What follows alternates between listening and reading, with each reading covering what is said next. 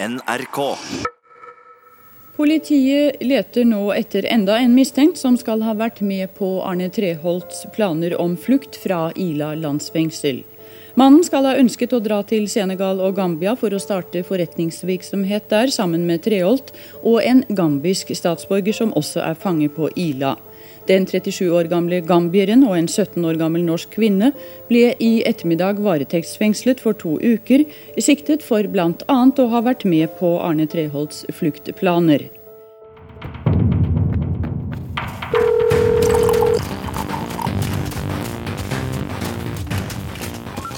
Du hører på Spionen Treholt. Jeg heter Line Alsaker. Sjette del fengsel, flukt og frihet.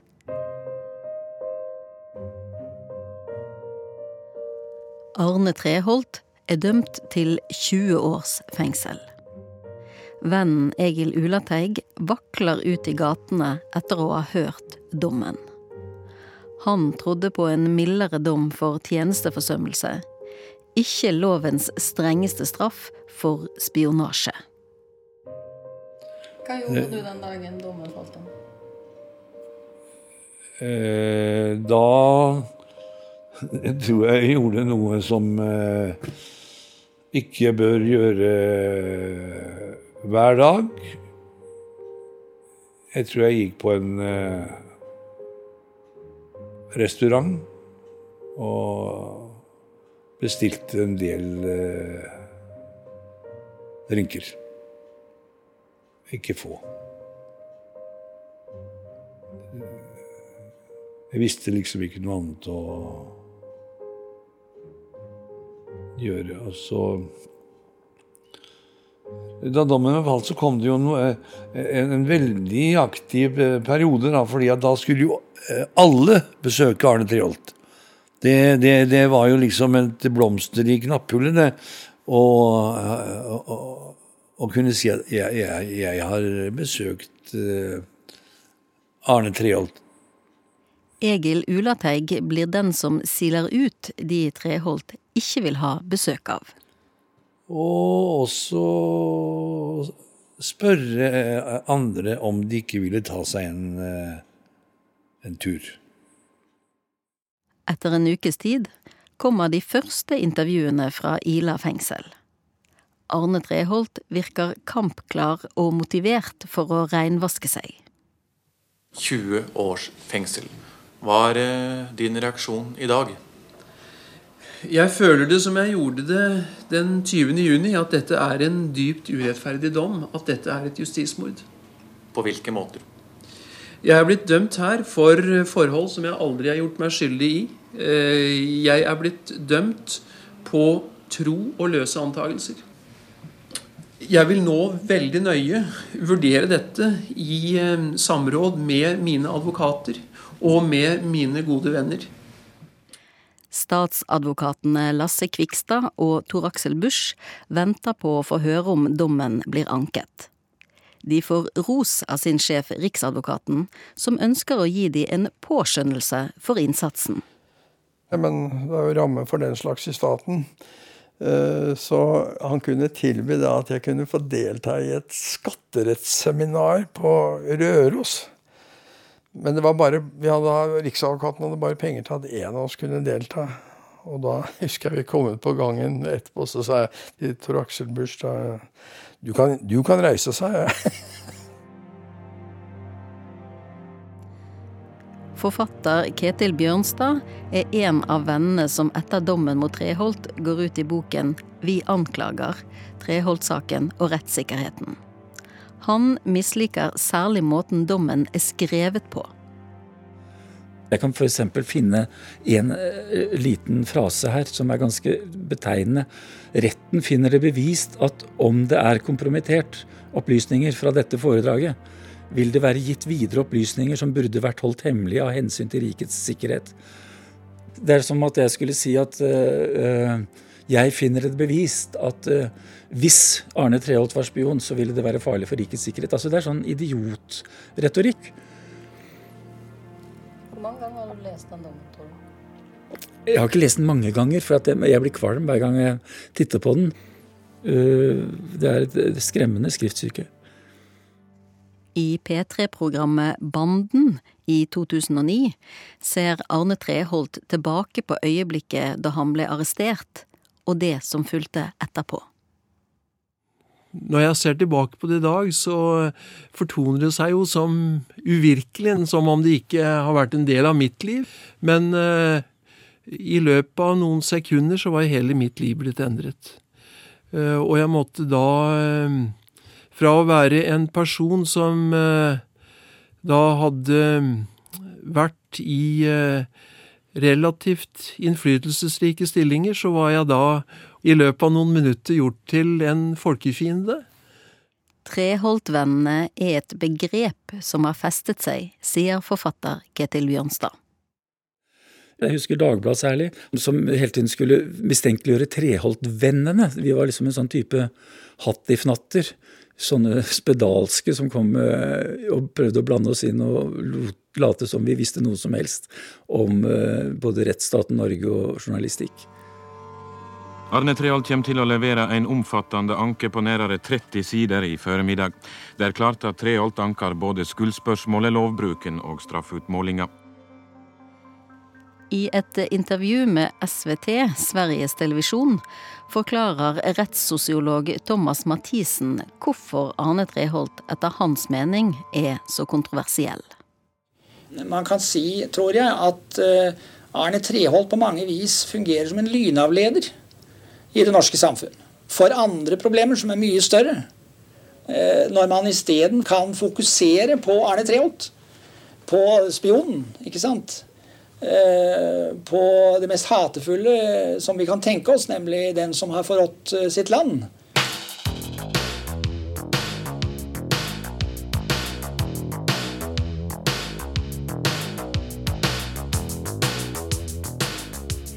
I januar 1986 fortsetter Treholt-saken.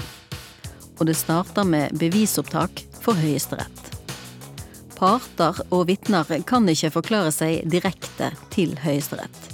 Så bevisopptakene er dermed rettsmøter holdt før selve saken skal opp for retten. Arne Treholt stiller nå med nye forsvarere. Stjerneadvokatene Arne Haugestad og Alf Nordhus. Aktor Lasse Kvikstad begynner etter hvert å kjenne igjen måten Arne Treholt reagerer på når det hardner til i retten. Han ble fort irritert, og han ble sånn stram i ansiktet, husker jeg. Når han liksom ble eh, foreholdt vanskelige opplysninger. Da liksom fikk han en sånn nokså karakteristisk drag i ansiktet. Kan du beskrive det litt nærmere? Nei, det er vanskelig å, å sette ord på det. Eh, han ble, fikk et sånt trekk rundt munnen som vi, vi syns gikk igjen bestandig når livet ble litt vanskelig for han. Det er bare et inntrykk jeg hadde da, og som jeg husker nå. Det er nå diskusjonen om pengebeviset fra politiets ransaking hjemme hos Arne Treholt i august 1983 kommer med full styrke. Høyesterettsadvokat Arne Haugestad sier til Dagsnytt at undersøkelsene av pengebeviset bekrefter Arne Treholts forklaring om at pengene kom fra Irak. Politiets versjon om at pengene kom fra KGB som betaling for opplysninger, er ikke riktig, sier Haugestad. Treholts forsvarer Arne Haugestad argumenterer sterkt for at retten må se på dette beviset på nytt. Diskusjonen handler om tykkelsen på en bestemt pengebunke, hvilke sedler bunken bestod av, og ikke minst hvor disse pengene egentlig stammer fra. Det forsvarerne har testet og funnet ut, er at så mange sedler som politiet hevder det er snakk om, rett og slett ikke er mulig å få inn i en konvolutt av den typen det er bilde av i Treholts stresskoffert. Men etter at dagen i retten er slutt, så får Dagsrevyens reporter lova forsvarerne til å prøve om han får pengene ned i konvolutten, mens kameraet er på. Her er vår prøve i rettssal 14 etter at retten var hevet i ettermiddag. Gjør det selv. Skal vi prøve? Ja. Det går ganske greit å få pengebunken ned i konvolutten uten at den revner. Men du må være litt tålmodig. Stemningen er ikke akkurat oppunder taket da forsvarerne og Treholt ser at det går. Men Treholt fortrekker ikke en mine. Kommentator Harald Stanghelle, som har fulgt Treholt-saken siden 80-tallet, forklarer. Pengebevis har jo vært en slags X-faktor i eh, Treholt-saka helt siden eh, høyesterettsadvokat Arne Haugestad lanserte eh, dette. Og et av eh, hans argumenter var at eh, eh, dette beviset var ei, ei forfalskning, eller at det ble lagt fram for noe større enn det egentlig var. Og det at Dagsrevyen klarer å få pengene ned i konvolutten, legger ikke ballen død på noen måte. Spørsmålene som kommer til å bli gjentatt og gjentatt, er disse. Er det snakk om en privat reisekasse? Hvor mange sedler er det egentlig plass til i konvolutten? Og hvilken valør, altså verdi, har hver av disse sedlene? Og hvor stor var egentlig konvolutten de lå i? Kommer pengene fra irakisk etterretning, eller er det, som politiet hevder, betaling for tjenester fra KGB? Ja, mente retten. Eh, nei, har eh, Arne Treholt og eh, hans forsvarer og en del andre, andre sagt. Og fasit får vi kanskje aldri. Men diskusjonen har jo aldri gitt seg. Eh, og den foregår med ujevne mellomrom også i, i dag.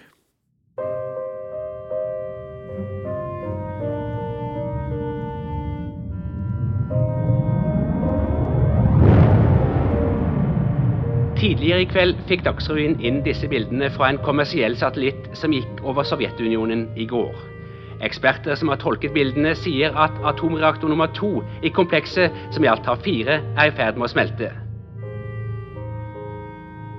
Treholt-saken starter i Høyesterett tre dager etter atomkraftulykken i Tsjernobyl i slutten av april i 1986. Arne Treholt har skrevet et brev der han sier at Høyesterett er partisk og forutinntatt. Forsvarer Arne Haugestad leser fra brevet i rettssalen. Jeg har derfor i stadig sterkere grad stilt spørsmål ved Høyesteretts evne og vilje til å opptre upartisk og nøytralt i en sak som dette. Da kommer aktor Lasse Kvikstad med en tydelig beskjed til Arne Treholt i rettssalen. Påtalemyndigheten ser dette som et ledd i et forsøk på å bygge opp en myte rundt domfelte og hans person. Etter 14 dager trekker Arne Treholt anken. I praksis vil det si at dommen på 20 års fengsel blir rettskraftig. Aktor Lasse Kvikstad blir overrasket da det skjer. Ja, veldig overrasket. Det var en sånn veldig rar følelse, for dette skjedde jo fort. Og da måtte vi gå ned til Riksadvokaten, som vi fikk et møte med på Hurten og Sturten. Og eh, han sa at vi ikke skulle motsette oss det. Det var vel nokså opplagt. Eh, og så gikk jeg tilbake til Høyesterett. Gikk vi tilbake til Høyesterett og meddelte at vi samtykket. Etter å ha levd med Treholt-saken siden 1984, kan Lasse Kvikstad endelig gå hjem til familien. Den følelsen jeg hadde da jeg gikk ut av Høyesterett da, det var akkurat som du skulle uh, har båret en svær sekk som plutselig tok av deg. Det var en tsjekkisk forfatter som skrev en bok om tilværelsens uutholdelige letthet. Og det var vel, det var vel det jeg følte, altså. At dette var eh, Nå var det slutt. Men det var det jo ikke. På langt nær. Historien er langt fra over. Forsvarerne fortsetter å arbeide for gjenopptakelse av hele saken, men det forsvarerne ikke vet, er at om litt over en måned så skal Arne Treholts pågangsmot skape store overskrifter i media.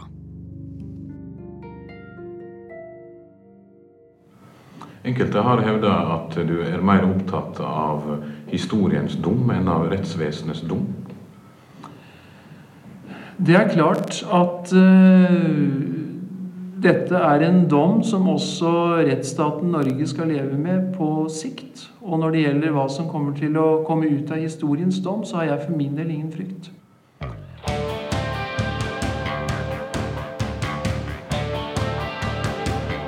Arne Treholt blir separert og seinere skilt fra Kari Storekre etter arrestasjonen i 1984. Under soning har han møtt en ny kvinne.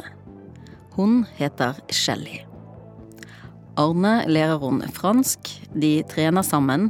Seinere skal de gifte seg, og de drømmer om en fremtid sammen utenfor murene. Arne Treholt forteller i P3 i 2009. Jeg hadde nettopp da begynt på en dom som jeg jo overhodet ikke så noen ende på.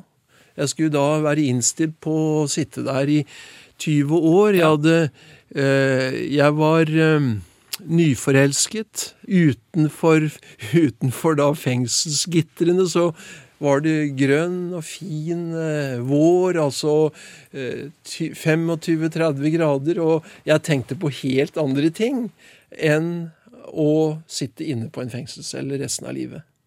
Eh, så fluktplanet ble liksom til oppi huet på meg, da, sånn gradvis.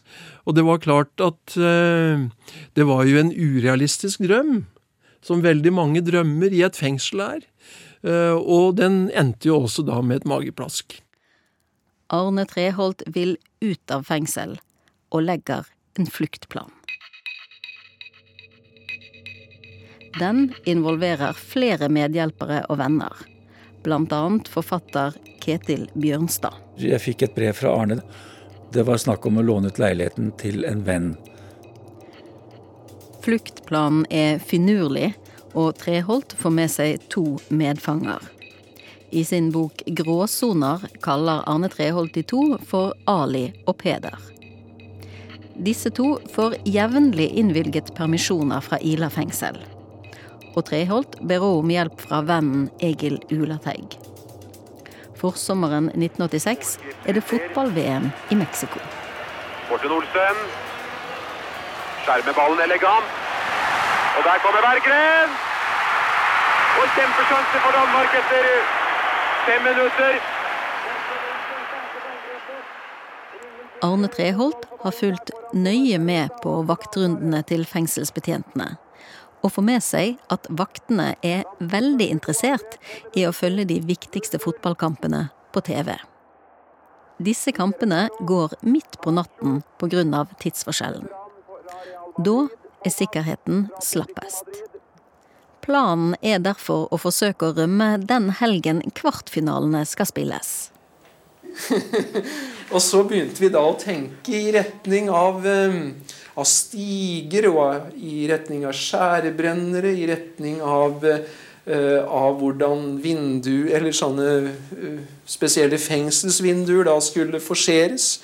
Vi tenkte, vi tenkte skrittene videre, hvordan man skulle forholde seg med å komme ut av Norge med bil. Vi tenkte pass. Vi tenkte, vi tenkte i, det hele, i det hele tatt veldig konkret. Arne Treholt ber broren Einar om å komme til Ila med 150 000 kroner i kontanter. Til broren sier Treholt at han trenger pengene for å betale tilbake deler av det han skylder til statskassen etter dommen. Broren kommer med pengene til fengselet, der Treholt skjærer ut innmaten av en bok og gjemmer pengene inni. Ali og Peder søker, og får innvilget permisjon kvartfinalehelgen. Samtidig snakker Egil Ulateig med Ketil Bjørnstad om å få låne leiligheten hans i Bygdøy allé 65 på Frogner. Det får han. Men Ulateig sier ikke hva leiligheten skal brukes til. Det, det er så mye løgn og så mye eh, dobbel, eh, eh, som er vanskelig å forklare. Men for å si det helt enkelt, så var det visse ting som jeg skulle skaffe. resten av flukten er planlagt i detalj. I løpet av kvartfinalehelgen skal medhjelper Peder ta med seg en sammenleggbar stige og skjærebrenner. Sånn at det er mulig å komme seg over den seks-sju meter høye muren og brenne vekk sperrene i Treholts cellevindu. Arne Treholt og Peder skal så komme seg over hustakene, klatre ned stigen og løpe en kilometer gjennom skogen, der Ali venter med en fluktbil og plukker de opp. I mellomtiden sitter Shelly i Ketil Bjørnstads leilighet i Bygdøy allé. Ali skal så kjøre Arne og Shelly til Barcelona via Sverige. Og så var det tanken at vi da skulle komme oss ned gjennom eh, Europa og ned til Afrika, og kanskje da videre til Latin-Amerika. Kvartfinalehelgen nærmer seg. Ketil Bjørnstad er hjemme på Sandøya utenfor Tvedestrand, der han bor mesteparten av året. Men plutselig så kommer lensmannen i Tvedestrand ruslende oppover bakken til der jeg bor på Sandøya, og så sier at han har blitt ringt opp fra Oslo og at det har noe med leiligheten og utlån av leiligheten å gjøre. Jeg sa at jeg, jeg vet ikke hvem som leier leiligheten. Men, eh, men, jeg vet jo hvem som har bedt meg, og jeg sier at jeg har ikke noe skjul der. Jeg nevnte vel Arnes navn og alt mulig. Så sa han ja ja, Bjørnstad, så får du ha en god sommerdag videre. Og så ruslet han ned i snekka og forsvant inn til Stedestrand igjen. Ketil Bjørnstad løper til telefonen for å ringe til leiligheten i Bygdøy allé i Oslo, for å advare om at politiet har vært innom hos han. I andre enden svarer en kvinne han tror er en venninne av Shelly. Så sa jeg nå må du passe deg her, for politiet har vært her og lurt. og jeg ante jo ikke da at jeg snakket med overvåkingspolitiet, hele politiet som satt og tok telefonen, så det var jo en dame som bare sa ja, takk for det, takk for at du sier ifra. Arne Treholts bror Einar har stilt med en bankgaranti på over 100 000 kroner til Ali. Disse pengene skal etter planen brukes til å kjøpe 1750 par italienske sko i Nederland.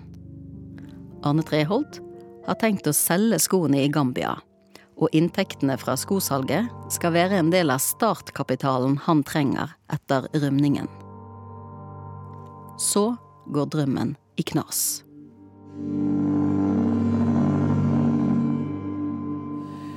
Jeg satt og spiste en formiddag. Og så ble jeg hentet ut av en morsk førstebetjent som eh, uten noen nærmere forklaring tok meg ned på et rom under. Og der ble jeg da ilagt eh, fotjern og tatt ut i en ventende bil og kjørt til Ullersmo da av de tre sterkeste karene på Ila.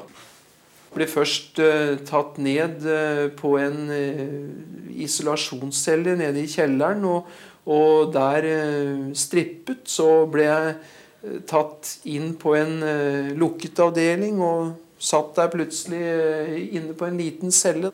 Neste kveld sitter Ketil Bjørnstad i huset sitt på Sandøya og skrur på TV-en for å få med seg siste nytt. Og så kommer det jo på nyheten at jeg har da denne leiligheten skulle være en del av fluktforsøket. Og... Falske britiske pass og en dekkleilighet i Oslo.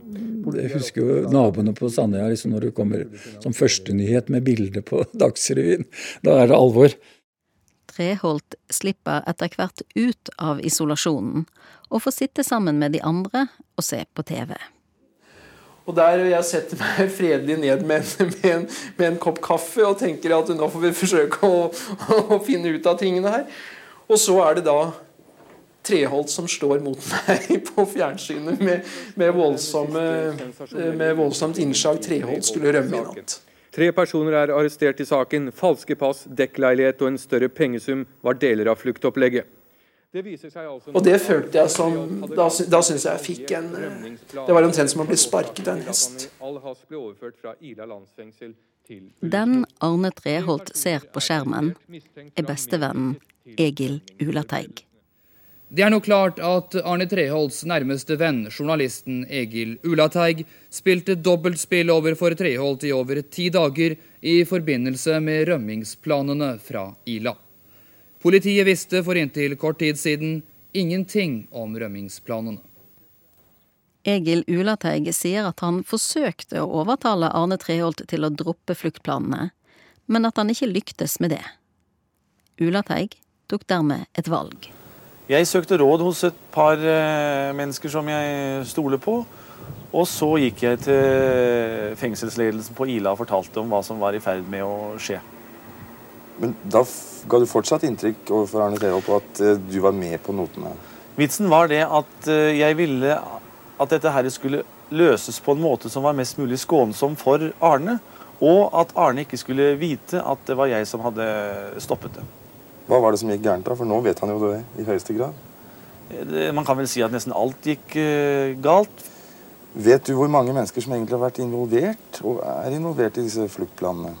Nei, det vet jeg ikke nøyaktig. Det er i hvert fall uh, langt flere enn det jeg trodde opprinnelig. Uh, når skal du besøke Arne Treholt neste gang?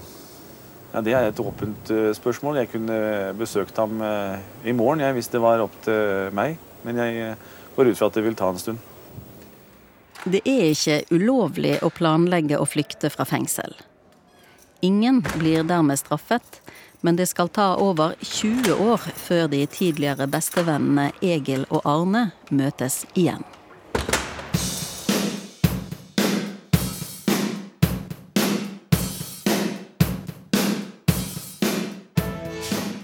Høsten 1986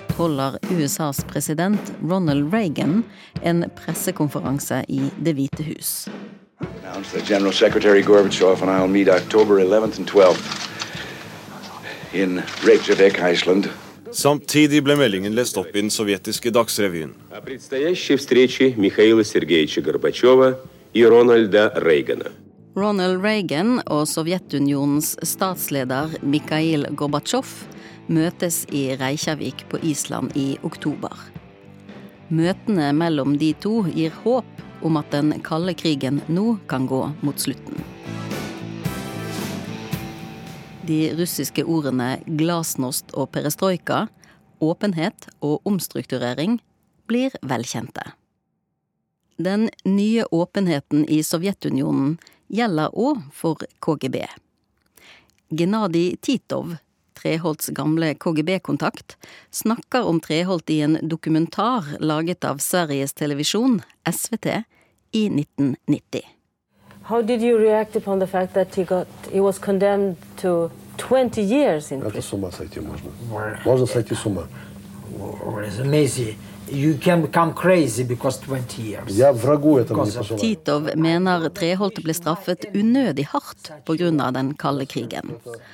Han ville ikke engang ønsket sin verste fiende en sånn skjebne.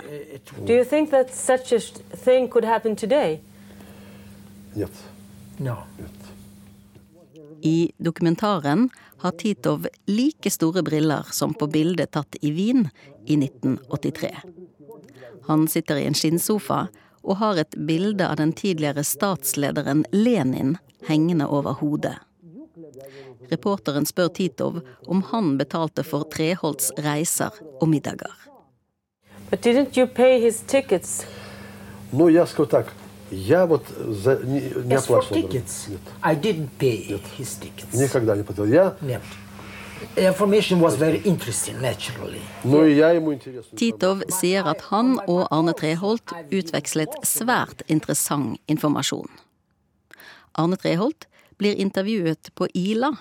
i den samme dokumentaren. Men fanns det en överenskommelse mellan dig och Titov att inte tala om at ni träffades? Nei, det kan jeg ikke, det kan jeg ikke svare sikkert på. Det tror jeg ikke. Så spør reporteren Treholt om han ikke har tenkt på å få KGB-general Titov til å stå frem før og fortelle om det Treholt kaller de uskyldige møtene de to har hatt. Eh, Vi opplevde dette som en eh, hysterisk kaldkrigsprosess. Hvor eh, vi hadde kommet å blitt mobbet av banen, tror jeg. Hvis vi her hadde kommet med antydninger om at vi kanskje ville føre en, en KGB-offiser som vitne for en norsk rett.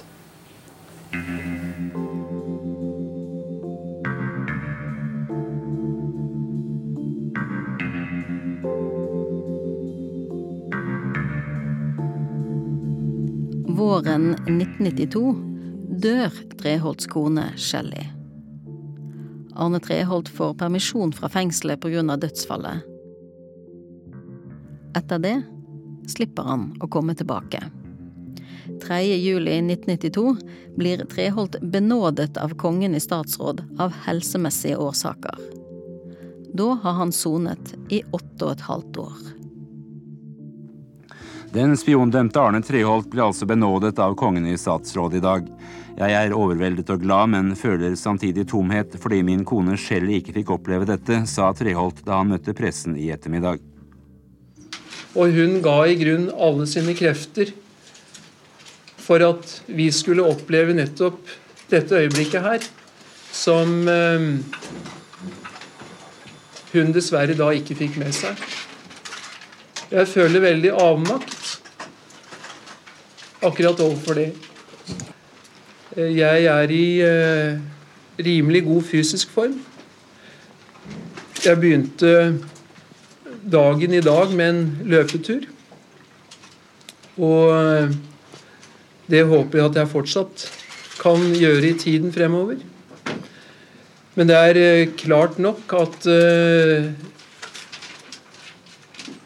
det jeg har vært igjennom av jordskjelv den siste tiden, det ville sette inn, eller det vil gjøre inntrykk på langt sterkere mennesker enn det jeg er. Det skal mye til for at en søknad om benådning blir innvilget. Som regel er det helsemessige problemer eller det som kalles byrdefulle familieforpliktelser som avgjør saken. Det var jo en, en jubeldag da han slapp fri. Og jeg husker vi møttes nede på mm, Haugestads kontor i sentrum. Det var et veldig sterkt øyeblikk. Og vi hadde da en stor middag på en gresk restaurant i Torgaten. Selv om ikke det var noen jubel i den forstand. Det var jo ikke en dom som ble omgjort. Men det var et menneske som etter et enormt tap av sin Shelly fikk anledning til å kunne leve sitt eget liv. Middagen og festen ender med at Arne Treholt overnatta på sofaen hjemme hos Ketil Bjørnstad. Og det var en sånn glødende varm sommernatt. Så det er vel en av de lykkeligste dagene i mitt liv.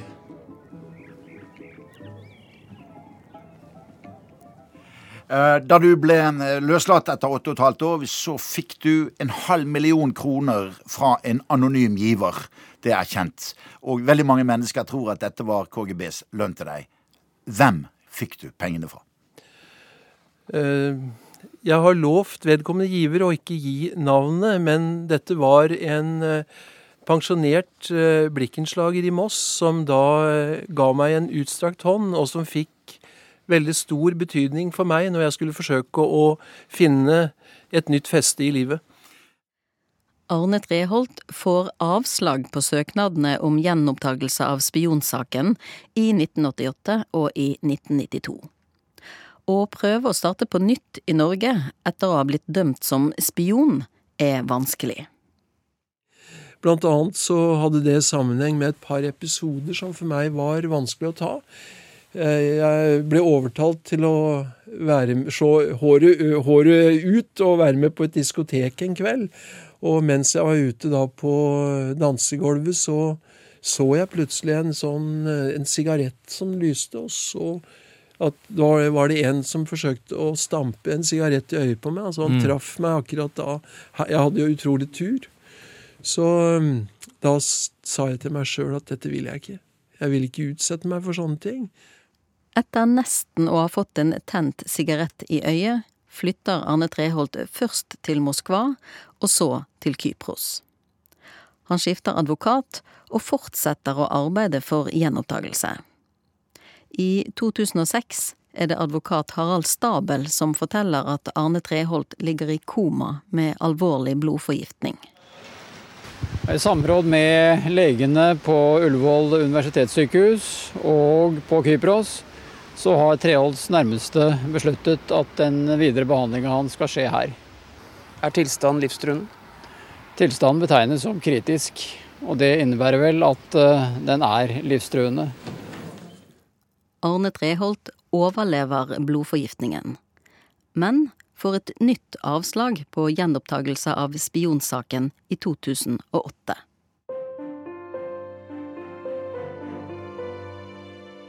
Synet på Arne Treholt og spiondommen endrer seg etter hvert som årene går. Men fascinasjonen for både mannen og saken består. I 2010 intervjuer P3 en ung kvinne med en spesiell hobby.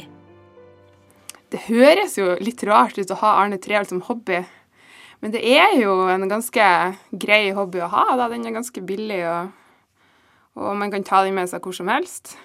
Så har jeg jo lest veldig masse om Arne Treholt og diskutert Arne Treholt-saker veldig mye. Og en gang til og med dramatisert en hendelse fra Arne Treholt sitt liv. Så jeg var på en eh, fest på lørdag der jeg diskuterte Arne Treholt-saker inngående med de andre gjestene. Eh, og så våkna jeg av at radioen skrudde seg på på søndag, og da kom stemmen til Arne Treholt ut av radioen, og da trodde jeg hadde blitt gal. At uh, det her liksom skjedde i mine drømmer, da. Men da var han faktisk inne i radioen min igjen. Så han har liksom vært veldig på overflata i det siste. Egil Ulateig har ikke snakket med Arne Treholt siden han avslørte fluktplanene i 1986. Men i 2010 dør den felles vennen Lars Jakob Krogh, og både Ulateig og Treholt har tenkt seg i begravelsen. Ulateig er spent på møtet. Vi kom mot hverandre utenfor eh, Kongsvinger kirke, Arne og, og, og jeg. Og da var det som vi ikke hadde vært atskilt i eh, mer enn et par dager. Han var akkurat eh, den samme. Ja, det var sikkert ikke den samme, men han var akkurat nøyaktig den samme. Han hadde den samme lyse stemmen, hadde det, eh, og, og, og, smilet og eh, øynene. Og eh, hadde bevart det her eh, Skal vi si Bill Clinton-metoden. Han gikk rundt ikke sant? og hilste på folk og, og, og, og småsnakket eh, med dem. Og til slutt så fikk vi eh, være med på å være kisten til Lars ut bare vennlige ord eh, om eh, omfavnelse og eh, en eh, litt sleivete bemerkning fra hans side om at jeg hadde lagt på meg. Det tok jeg litt eh, ille opp.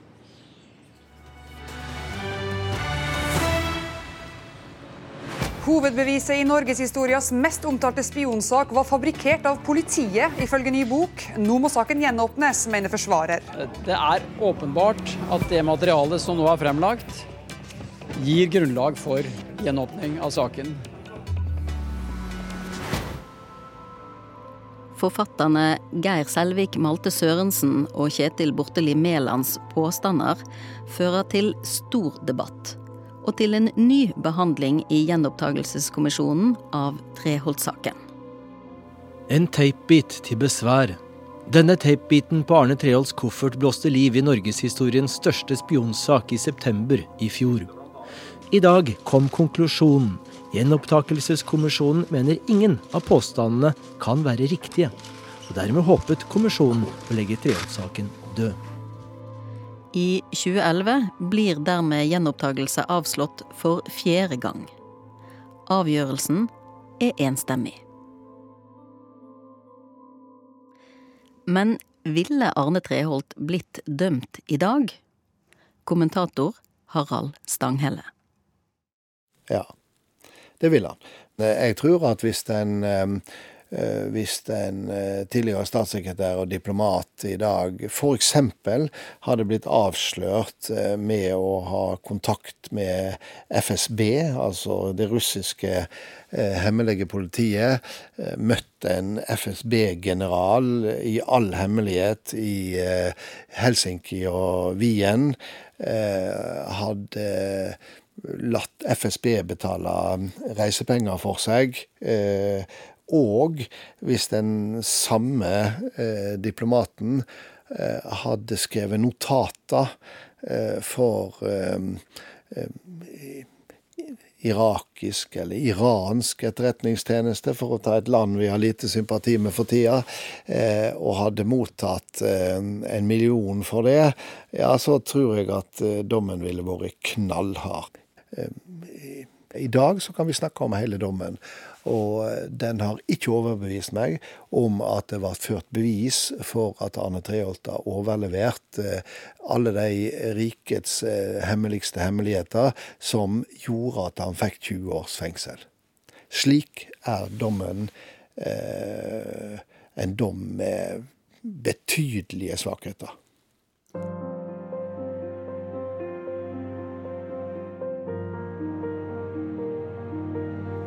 Egil Ulateig har nå regelmessig kontakt med vennen Arne Treholt, sjøl om Arne nå bor i Moskva i Russland, og Egil bor på Lesja i Gudbrandsdalen. Det er et eh, nærmest et mirakel for mitt vedkommende at eh, det er omtrent som tiden har stått stille. Og det sier jo mye mer om ham enn om meg. Tross alt, jeg har eh, Jeg har jo gått her på frifot i alle eh, disse årene. Uansett, vi bør ikke gå inn på skyld eller hvem eller hva. Men eh, jeg vil jo si at uansett så er det en sterkere belastning å sitte på Ila enn skal vi si på Tostrup-kjelleren. Når skal du ut og løpe med Arne Treholt igjen? Når jeg blir så god igjen at jeg veit at jeg slår ham.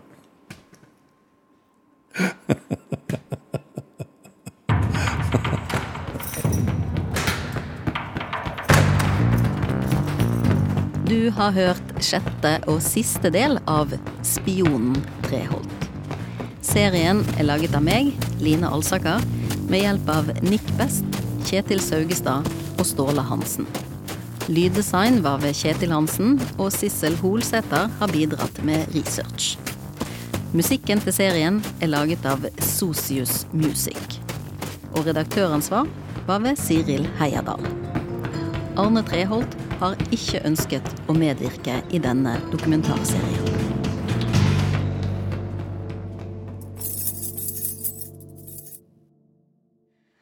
Og dersom du etter disse seks episodene er lysten på enda flere detaljer i Treholt-saken, så kan du søke opp Ståle Hansens nettsak om Arne Treholt i nrk.no.